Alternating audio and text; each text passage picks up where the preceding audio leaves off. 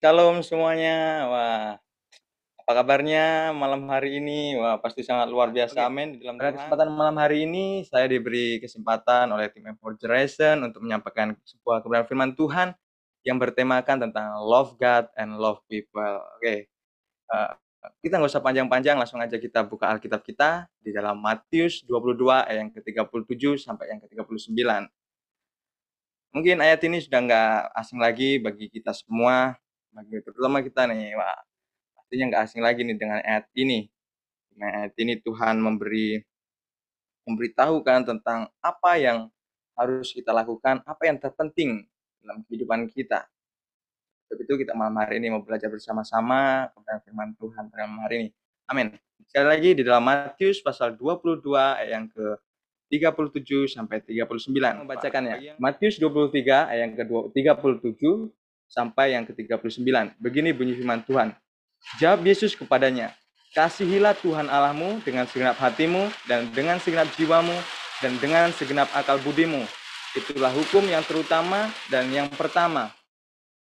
Dan hukum yang kedua sama sama dengan itu, ialah kasihlah sesama manusia seperti dirimu sendiri. Amin.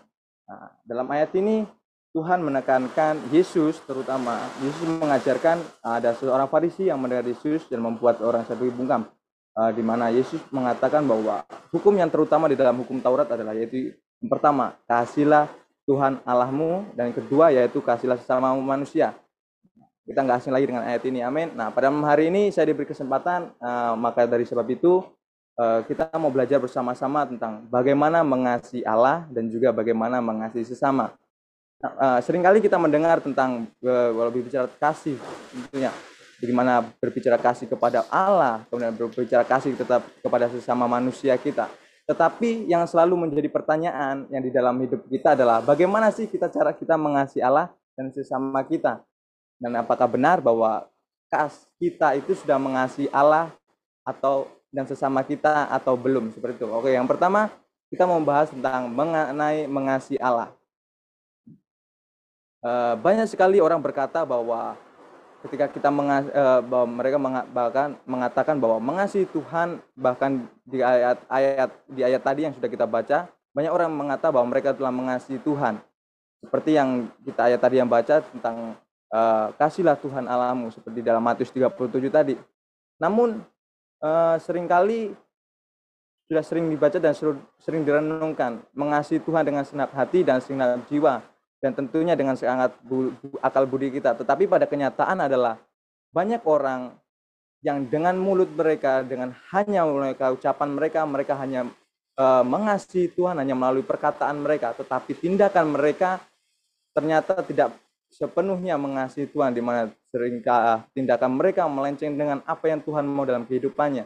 Oleh sebab itu, sering kali kita bertanya, lalu bagaimana sih cara kita mengasihi Tuhan? Seperti itu kan. Uh, kemudian tidak oleh sebab itu Eh, Yohanes mengatakan bahwa di dalam Injil Yohanes 14 ayat yang mengatakan bahwa firman Tuhan mengatakan bahwa jika kamu mengasihi aku, kamu akan menuruti segala perintahku. Nah, inilah dasar di mana kita mengasihi Tuhan, yaitu setiap kita harus menuruti segala perintah Tuhan, yaitu dengan tentunya seperti ayat yang telah kita baca tadi, yaitu dengan segenap hati, segenap jiwa, dan segenap akal budi kita. Namun sering kali uh, dalam pengertian ini bahwa jiwa dan akal di kita itu harus kita sesuaikan dengan perintah Tuhan. Bukan perintah Tuhan yang harus disesuaikan dengan hati kita, hidup kita. Seringkali kita menganggap bahwa perintah Tuhan eh, apa namanya? firman Tuhan sering kali pas banget dalam hidup kita gitu kan. Seringkali kita mengatakan bahwa perintah Tuhan itu ya sesuai dengan apa dalam hidup saya gitu kan. Padahal sebenarnya perintah Tuhan itu yang harus kita sesuaikan dalam hidup kita bukan firman Tuhan yang menyesuaikan hidup kita, tapi kita yang menyesuaikan dengan perintah Tuhan. Oleh sebab itu, ada sebuah timbul pertanyaan. Uh, pasti banyak timbul pertanyaan, apa, pertanyaan mengapa perintah Tuhan itu harus disesuaikan dengan hidup kita gitu kan.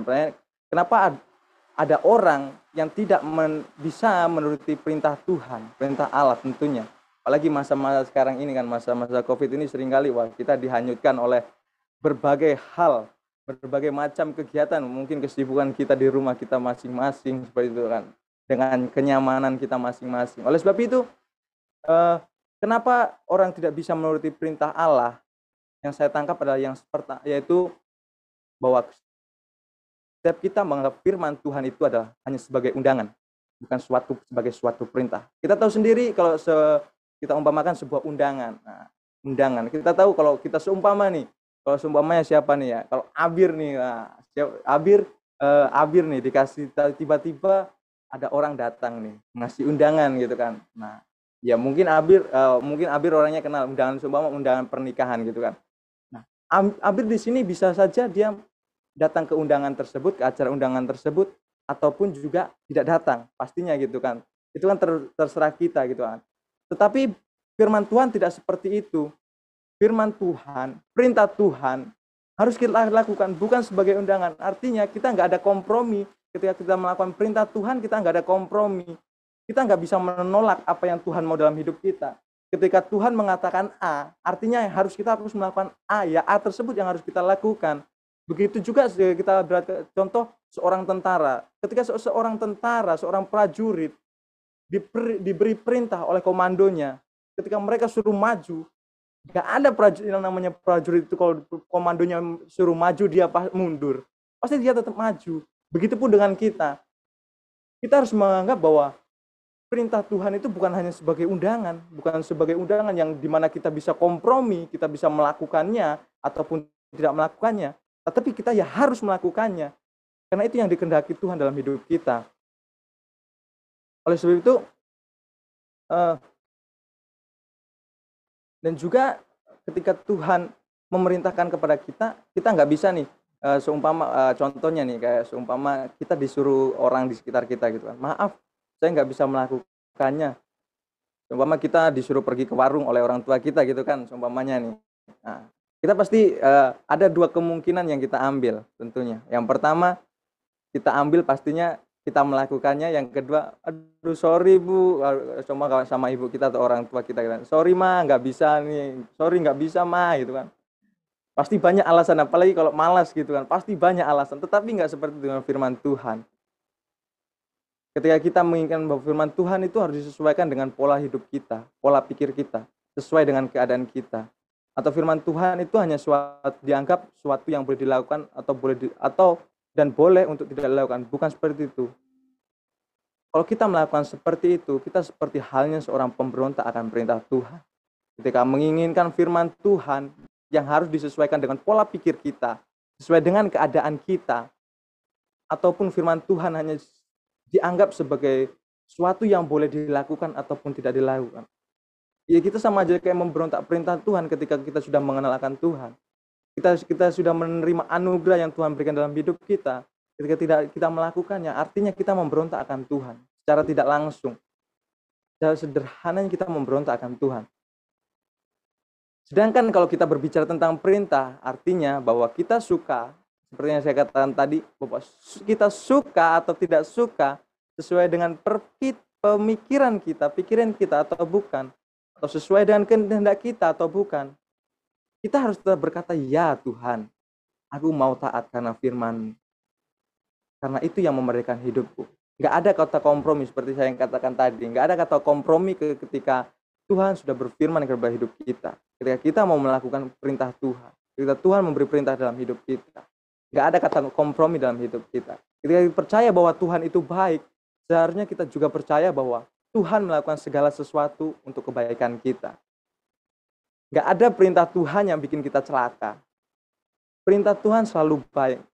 Seperti di, eh, saya lupa di mana, seperti seorang anak yang meminta roti nggak akan dikasih batu.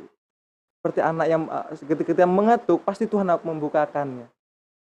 Nah, begitu juga dalam mengikuti perintah Tuhan. Nah, Inilah yang membedakan apabila apakah kita akan menjadi orang yang dimerdekakan atau orang yang dipenjarakan oleh keinginan diri kita sendiri, yaitu apabila kita taat kepada firman Tuhan atau tidak. Tuhan tidak pernah mengundang kita untuk taat kepada firman-Nya, tetapi Tuhan selalu memerintahkan kita untuk taat kepada firman-Nya. Tidak ada kata kompromi, tidak ada mencoba-coba, tidak ada yang namanya setengah-setengah kita ketika kita melakukan firman Tuhan, kita kita melakukan apa yang Tuhan mau. Jika iya, katakan iya, jika tidak, katakan tidak. Selain daripada itu berasal dari sejahat. Firman itu sangat tegas sekali mengatakan dalam hidup kita, menegur hidup kita.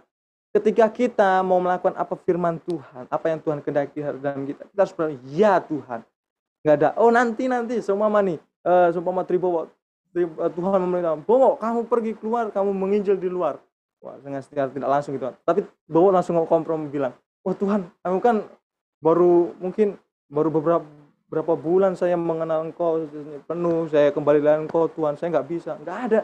Kalau ketika kita mengasihi Tuhan, kita nggak ada kata kompromi, kita nggak ada menolak, nggak ada alasan berbagai alasan apa pun ketika Tuhan menyuruh kita untuk melakukan segala sesuatu. Oleh sebab itu, kita dituntut untuk mengasihi Tuhan dengan segenap hati, jiwa dan akal budi kita. Yang artinya tidak ada tempat sekecil apa pun yang bisa mencuri posisi kita, posisi Tuhan dalam hidup kita termasuk pasangan, orang tua, saudara, anak-anak, teman, atau bahkan uang, pekerjaan, dan jabatan dan lainnya. Kita harus mengasihi Tuhan dengan sepenuhnya. Yang patut dipertanyakan pada saat ini, siapa yang paling engkau kasihi? Orang-orang di sekitarmu, ataukah Tuhan yang engkau kasihi? Jika engkau masih mengasihi, mengutamakan orang di sekitarmu yang engkau kasih, maka nggak ada bedanya engkau dengan orang-orang di sekitarmu. Orang-orang yang belum mengenal akan Allah belum menerima kasih anugerah yang Tuhan berikan. Mengasihi Tuhan sepenuhnya itu uh, dalam hidup kita membutuhkan suatu tindakan radikal. Dan ini di mana kita harus menekankan keinginan batin, keinginan daging kita. Mematikan keinginan daging kita untuk kita melakukan kehendak Allah. Dan inilah yang dilakukan Rasul Paulus setelah mengalami perjumpaan pribadi dengan Yesus. Nah, pertanyaannya sekarang, tindakan apa nih yang sudah kita lakukan ketika kita mengalami perjumpaan dengan Yesus? Kita apakah kita sudah memang radikal dalam mengasihi Yesus atau kita masih sama seperti dunia ini?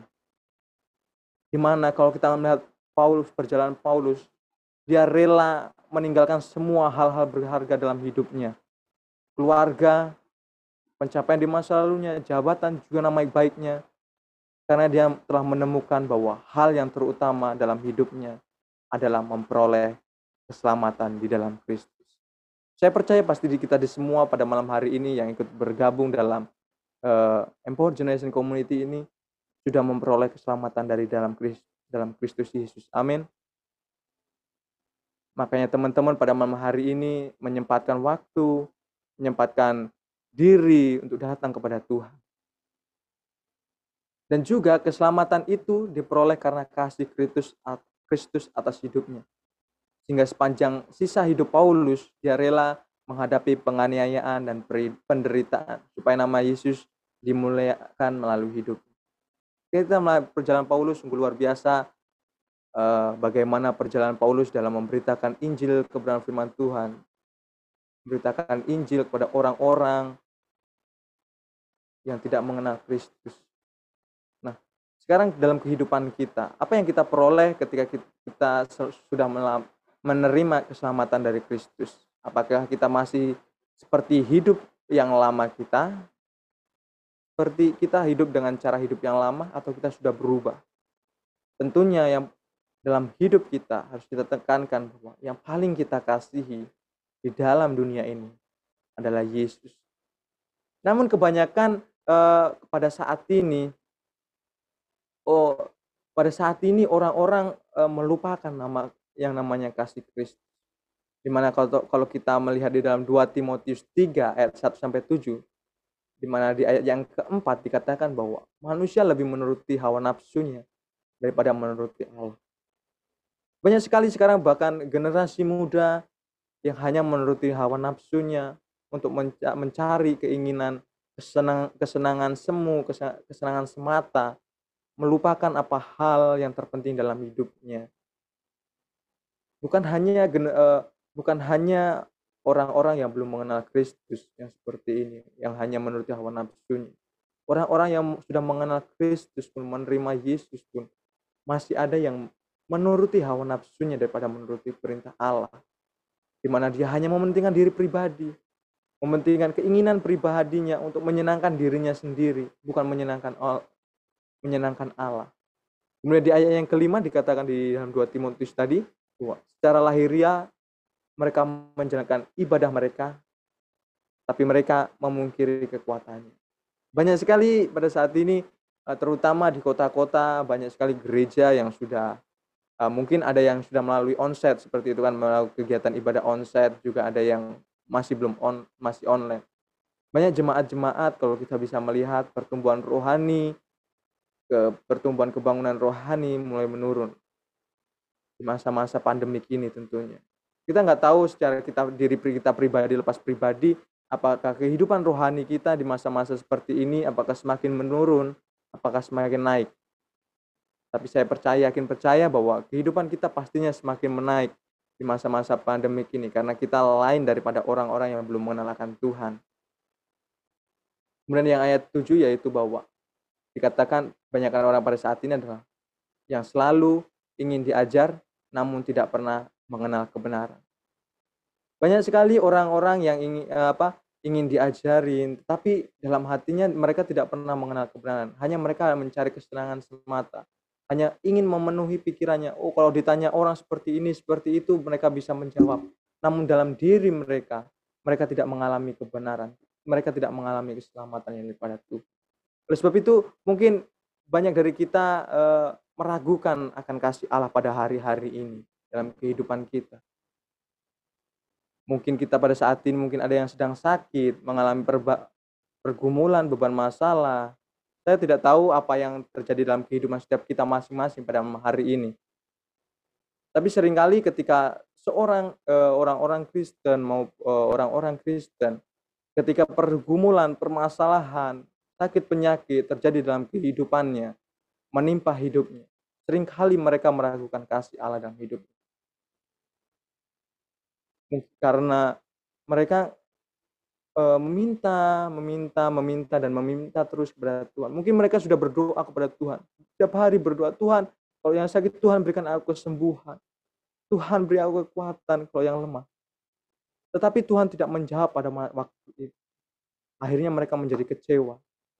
Padahal mereka setiap hari, setiap minggu sudah menjalani ibadah, sudah mendengarkan kebenaran firman Tuhan.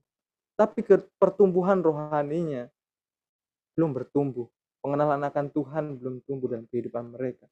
Padahal hari ini apakah kita seperti itu, masih seperti itu? Padahal betapa luar biasanya kasih Allah dalam hidup kita. Bagaimana Allah telah mengaruniakan anak yang tunggal. Supaya setiap kita hidup dalam kebenaran, diselamatkan. Yesus telah mati bagi kita di kayu salib. Untuk menebus dosa-dosa setiap kita. Oleh sebab itu malam hari ini kita sama-sama belajar untuk semakin hari hidup kita semakin mengasihi Allah, namun bukan mengasihi dunia seperti orang-orang di dunia ini. Nah, yang kedua yaitu kita mau belajar tentang mengasihi sesama manusia.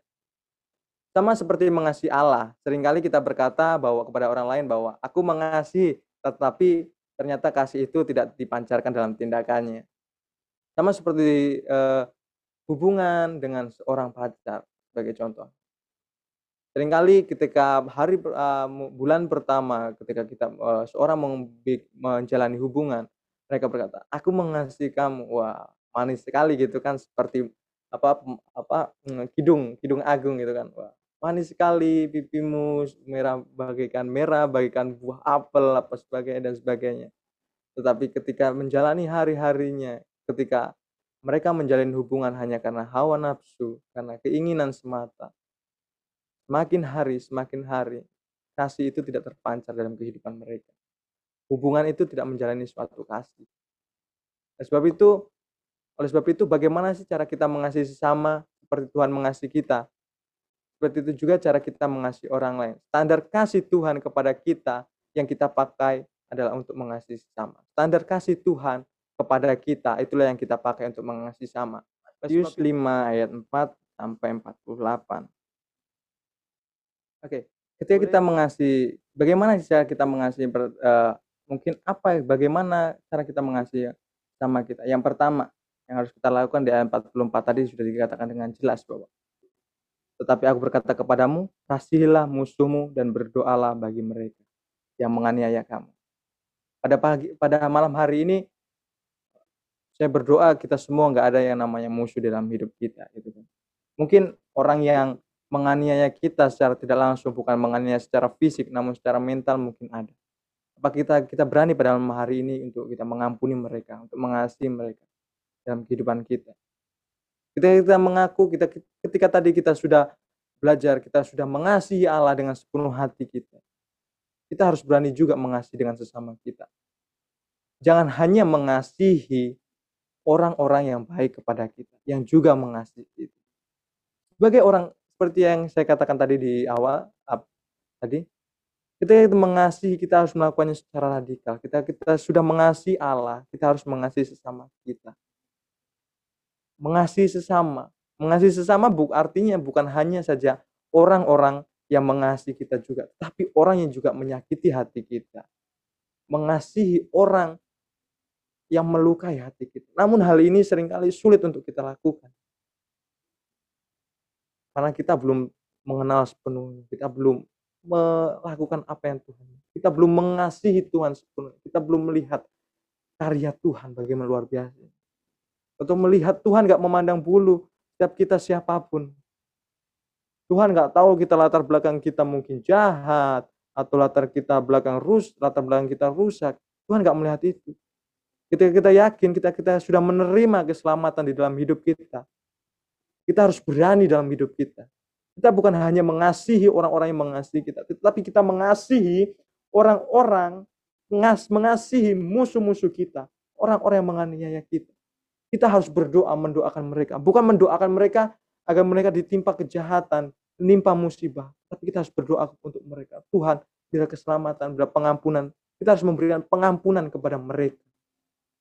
Jangan sampai karena orang lain berbuat dosa kepada kita, melakukan kesalahan, melakukan pembulian, kita menjadi sakit hati, membuat diri kita semakin jauh pada Tuhan. Ketika kita sudah menerima keselamatan daripada Tuhan, kita harus melakukan apa yang Tuhan mau dalam hidup kita. Kita harus melakukan perintahnya Tuhan. Ketika Tuhan mengatakan kamu mengasihi dia, maka kita harus mengasihi dia. Kamu mengampuni orang yang bersalah kamu, yang berbuat dosa kepada kamu. Kita harus mengampuni dia. Gak ada kata kompromi dalam hidup kita. Mungkin kita susah melakukannya, melakukan seperti itu. Namun itulah yang Tuhan mau dalam hidup kita. Di mana kita harus mengasihi setiap musuh-musuh. Arti oleh sebab itu bisa dikatakan uh, eh, bahwa Tuhan tidak pernah memilih-milih dalam hal mengasihi Tuhan. Bukti nyata dalam bukti nyatanya adalah bukti kasihnya nyatanya dalam hidup kita adalah di mana dia rela mati di kayu salib untuk menebus semua orang yang berdosa, terutama kita. Mungkin kita dulu jatuh dalam dosa, sering jatuh dalam dosa. Mungkin dulu kita sering melakukan hal kejahatan, namun yuk sama-sama kita membangun diri kita. Semakin hari kita semakin bertumbuh di dalam Tuhan. Semakin mengasihi Tuhan. Semakin mengasihi sama kita. Kita bertumbuh dalam roh. Oleh sebab itu di ayat 48 dikatakan bahwa karena itu haruslah kamu sempurna seperti Bapamu yang di surga adalah sempurna. Artinya kasih kepada orang lain haruslah haruslah sempurna seperti Bapa di surga yang mengasihi kita dengan sempurna. Oleh sebab itu, mungkin kita timbul pertanyaan, apakah kasih apakah kasih yang sempurna itu? Apakah kita, ketika kita menaktir teman uh, teman kita waktu kekurangan, menaktir teman kita makan pada saat dia, dia sedang kekurangan, atau mengobati teman kita yang lagi sakit, apakah menjaga orang lain yang dalam masalah pemuli masalah-masalah pemulihan, atau mengajari orang sebelum ujian. Ya, itu buktinya, bukti nyata dari kasih kita kepada orang lain. Tetapi, tetapi apakah kasih itu sudah sempurna? Pertanyaannya. Jika kita melihat bahwa kasih yang sempurna adalah di mana Yesus rela mati di kayu salib untuk menebus hidup kita semua. Hidup kita semua, orang-orang yang percaya dari dosa. Melepaskan belenggu dari dosa. Tapi apakah semua orang sudah diselamatkan? Selalu ingatlah bahwa orang yang diselamatkan adalah orang-orang yang mengaku dari mulutnya bahwa Yesus adalah Tuhan dan Juru Selamat di dalam hidupnya. Dan sebab itu eh, di dalam Yohanes 13 ayat yang ke-34 sampai 35 mengatakan bahwa aku memberi perintah kepadamu yaitu supaya kamu saling mengasihi sama seperti aku telah mengasihi kamu. Demikian pula kamu harus saling mengasihi. Dengan demikian semua orang akan tahu bahwa kamu adalah murid-muridku yaitu di mana kamu saling mengasihi. Oleh sebab itu karena itu Hendaklah kita sempurna seperti Yesus, seperti Bapa, yaitu di mana kita saling yaitu sampai orang-orang melihat kasih yang kita pancarkan adalah berasal dari kasih Yesus kepada kita selama ini. Artinya kita menjadi teladan bagi orang-orang di sekitar kita, bagi orang-orang yang belum mengenal akan Tuhan terutama. Terutama bagi orang-orang yang sudah jauh daripada Tuhan, dari hadirat Tuhan. Sebab itu pada hari ini yuk sama-sama kita belajar uh, bagaimana kita mengasihi sesama kita, kita mengasihi Tuhan dalam hidup kita dengan sepenuh hati kita. Nah, semua apa yang kita miliki dalam di dalam hidup kita. Oleh sebab itu yuk kita sama-sama pada hari ini kita mau berdoa kepada Tuhan. Kita mau Bapak dalam surga, kami mengucap syukur Tuhan malam hari ini buat persekutuanmu yang manis Tuhan persoalan, pergumulan yang kami hadapi malam hari ini, Tuhan kami dalam tanganmu, Tuhan. Biar Engkau yang bercampur tangan dalam hidupkan kami, Tuhan. Mau mengandalkan Engkau dalam kehidupan kami. Yang menyerahkan hidup kami dalam tanganmu, Tuhan, sepenuhnya, Tuhan. Ajari kami, Tuhan, terus mengasihi Engkau. Terus mengasihi sesama kami, Tuhan. Baik itu musuh kami, baik orang-orang yang kami benci, Tuhan. Ajari kami terus mengasihi mereka Tuhan. Sebab itu Tuhan biar roh kudus memimpin setiap hidup kami Tuhan. Perlengkapi kami semakin hari semakin lagi Tuhan. Kasih Tuhan kami menyerahkan kebenaran firman-Mu pada malam hari ini dalam tangan-Mu Bapa. Biar setiap firman yang disampaikan Tuhan dapat tertanam di hati kami, membuat kami Tuhan semakin hari semakin mengasihi Engkau dan sesama kami Tuhan. Terima kasih Bapak menyerahkan semuanya dalam tanganmu. Dalam satu nama Tuhan Yesus Kristus kami sudah berdoa dan mengucap syukur. Haleluya. Amin. Saya serahkan.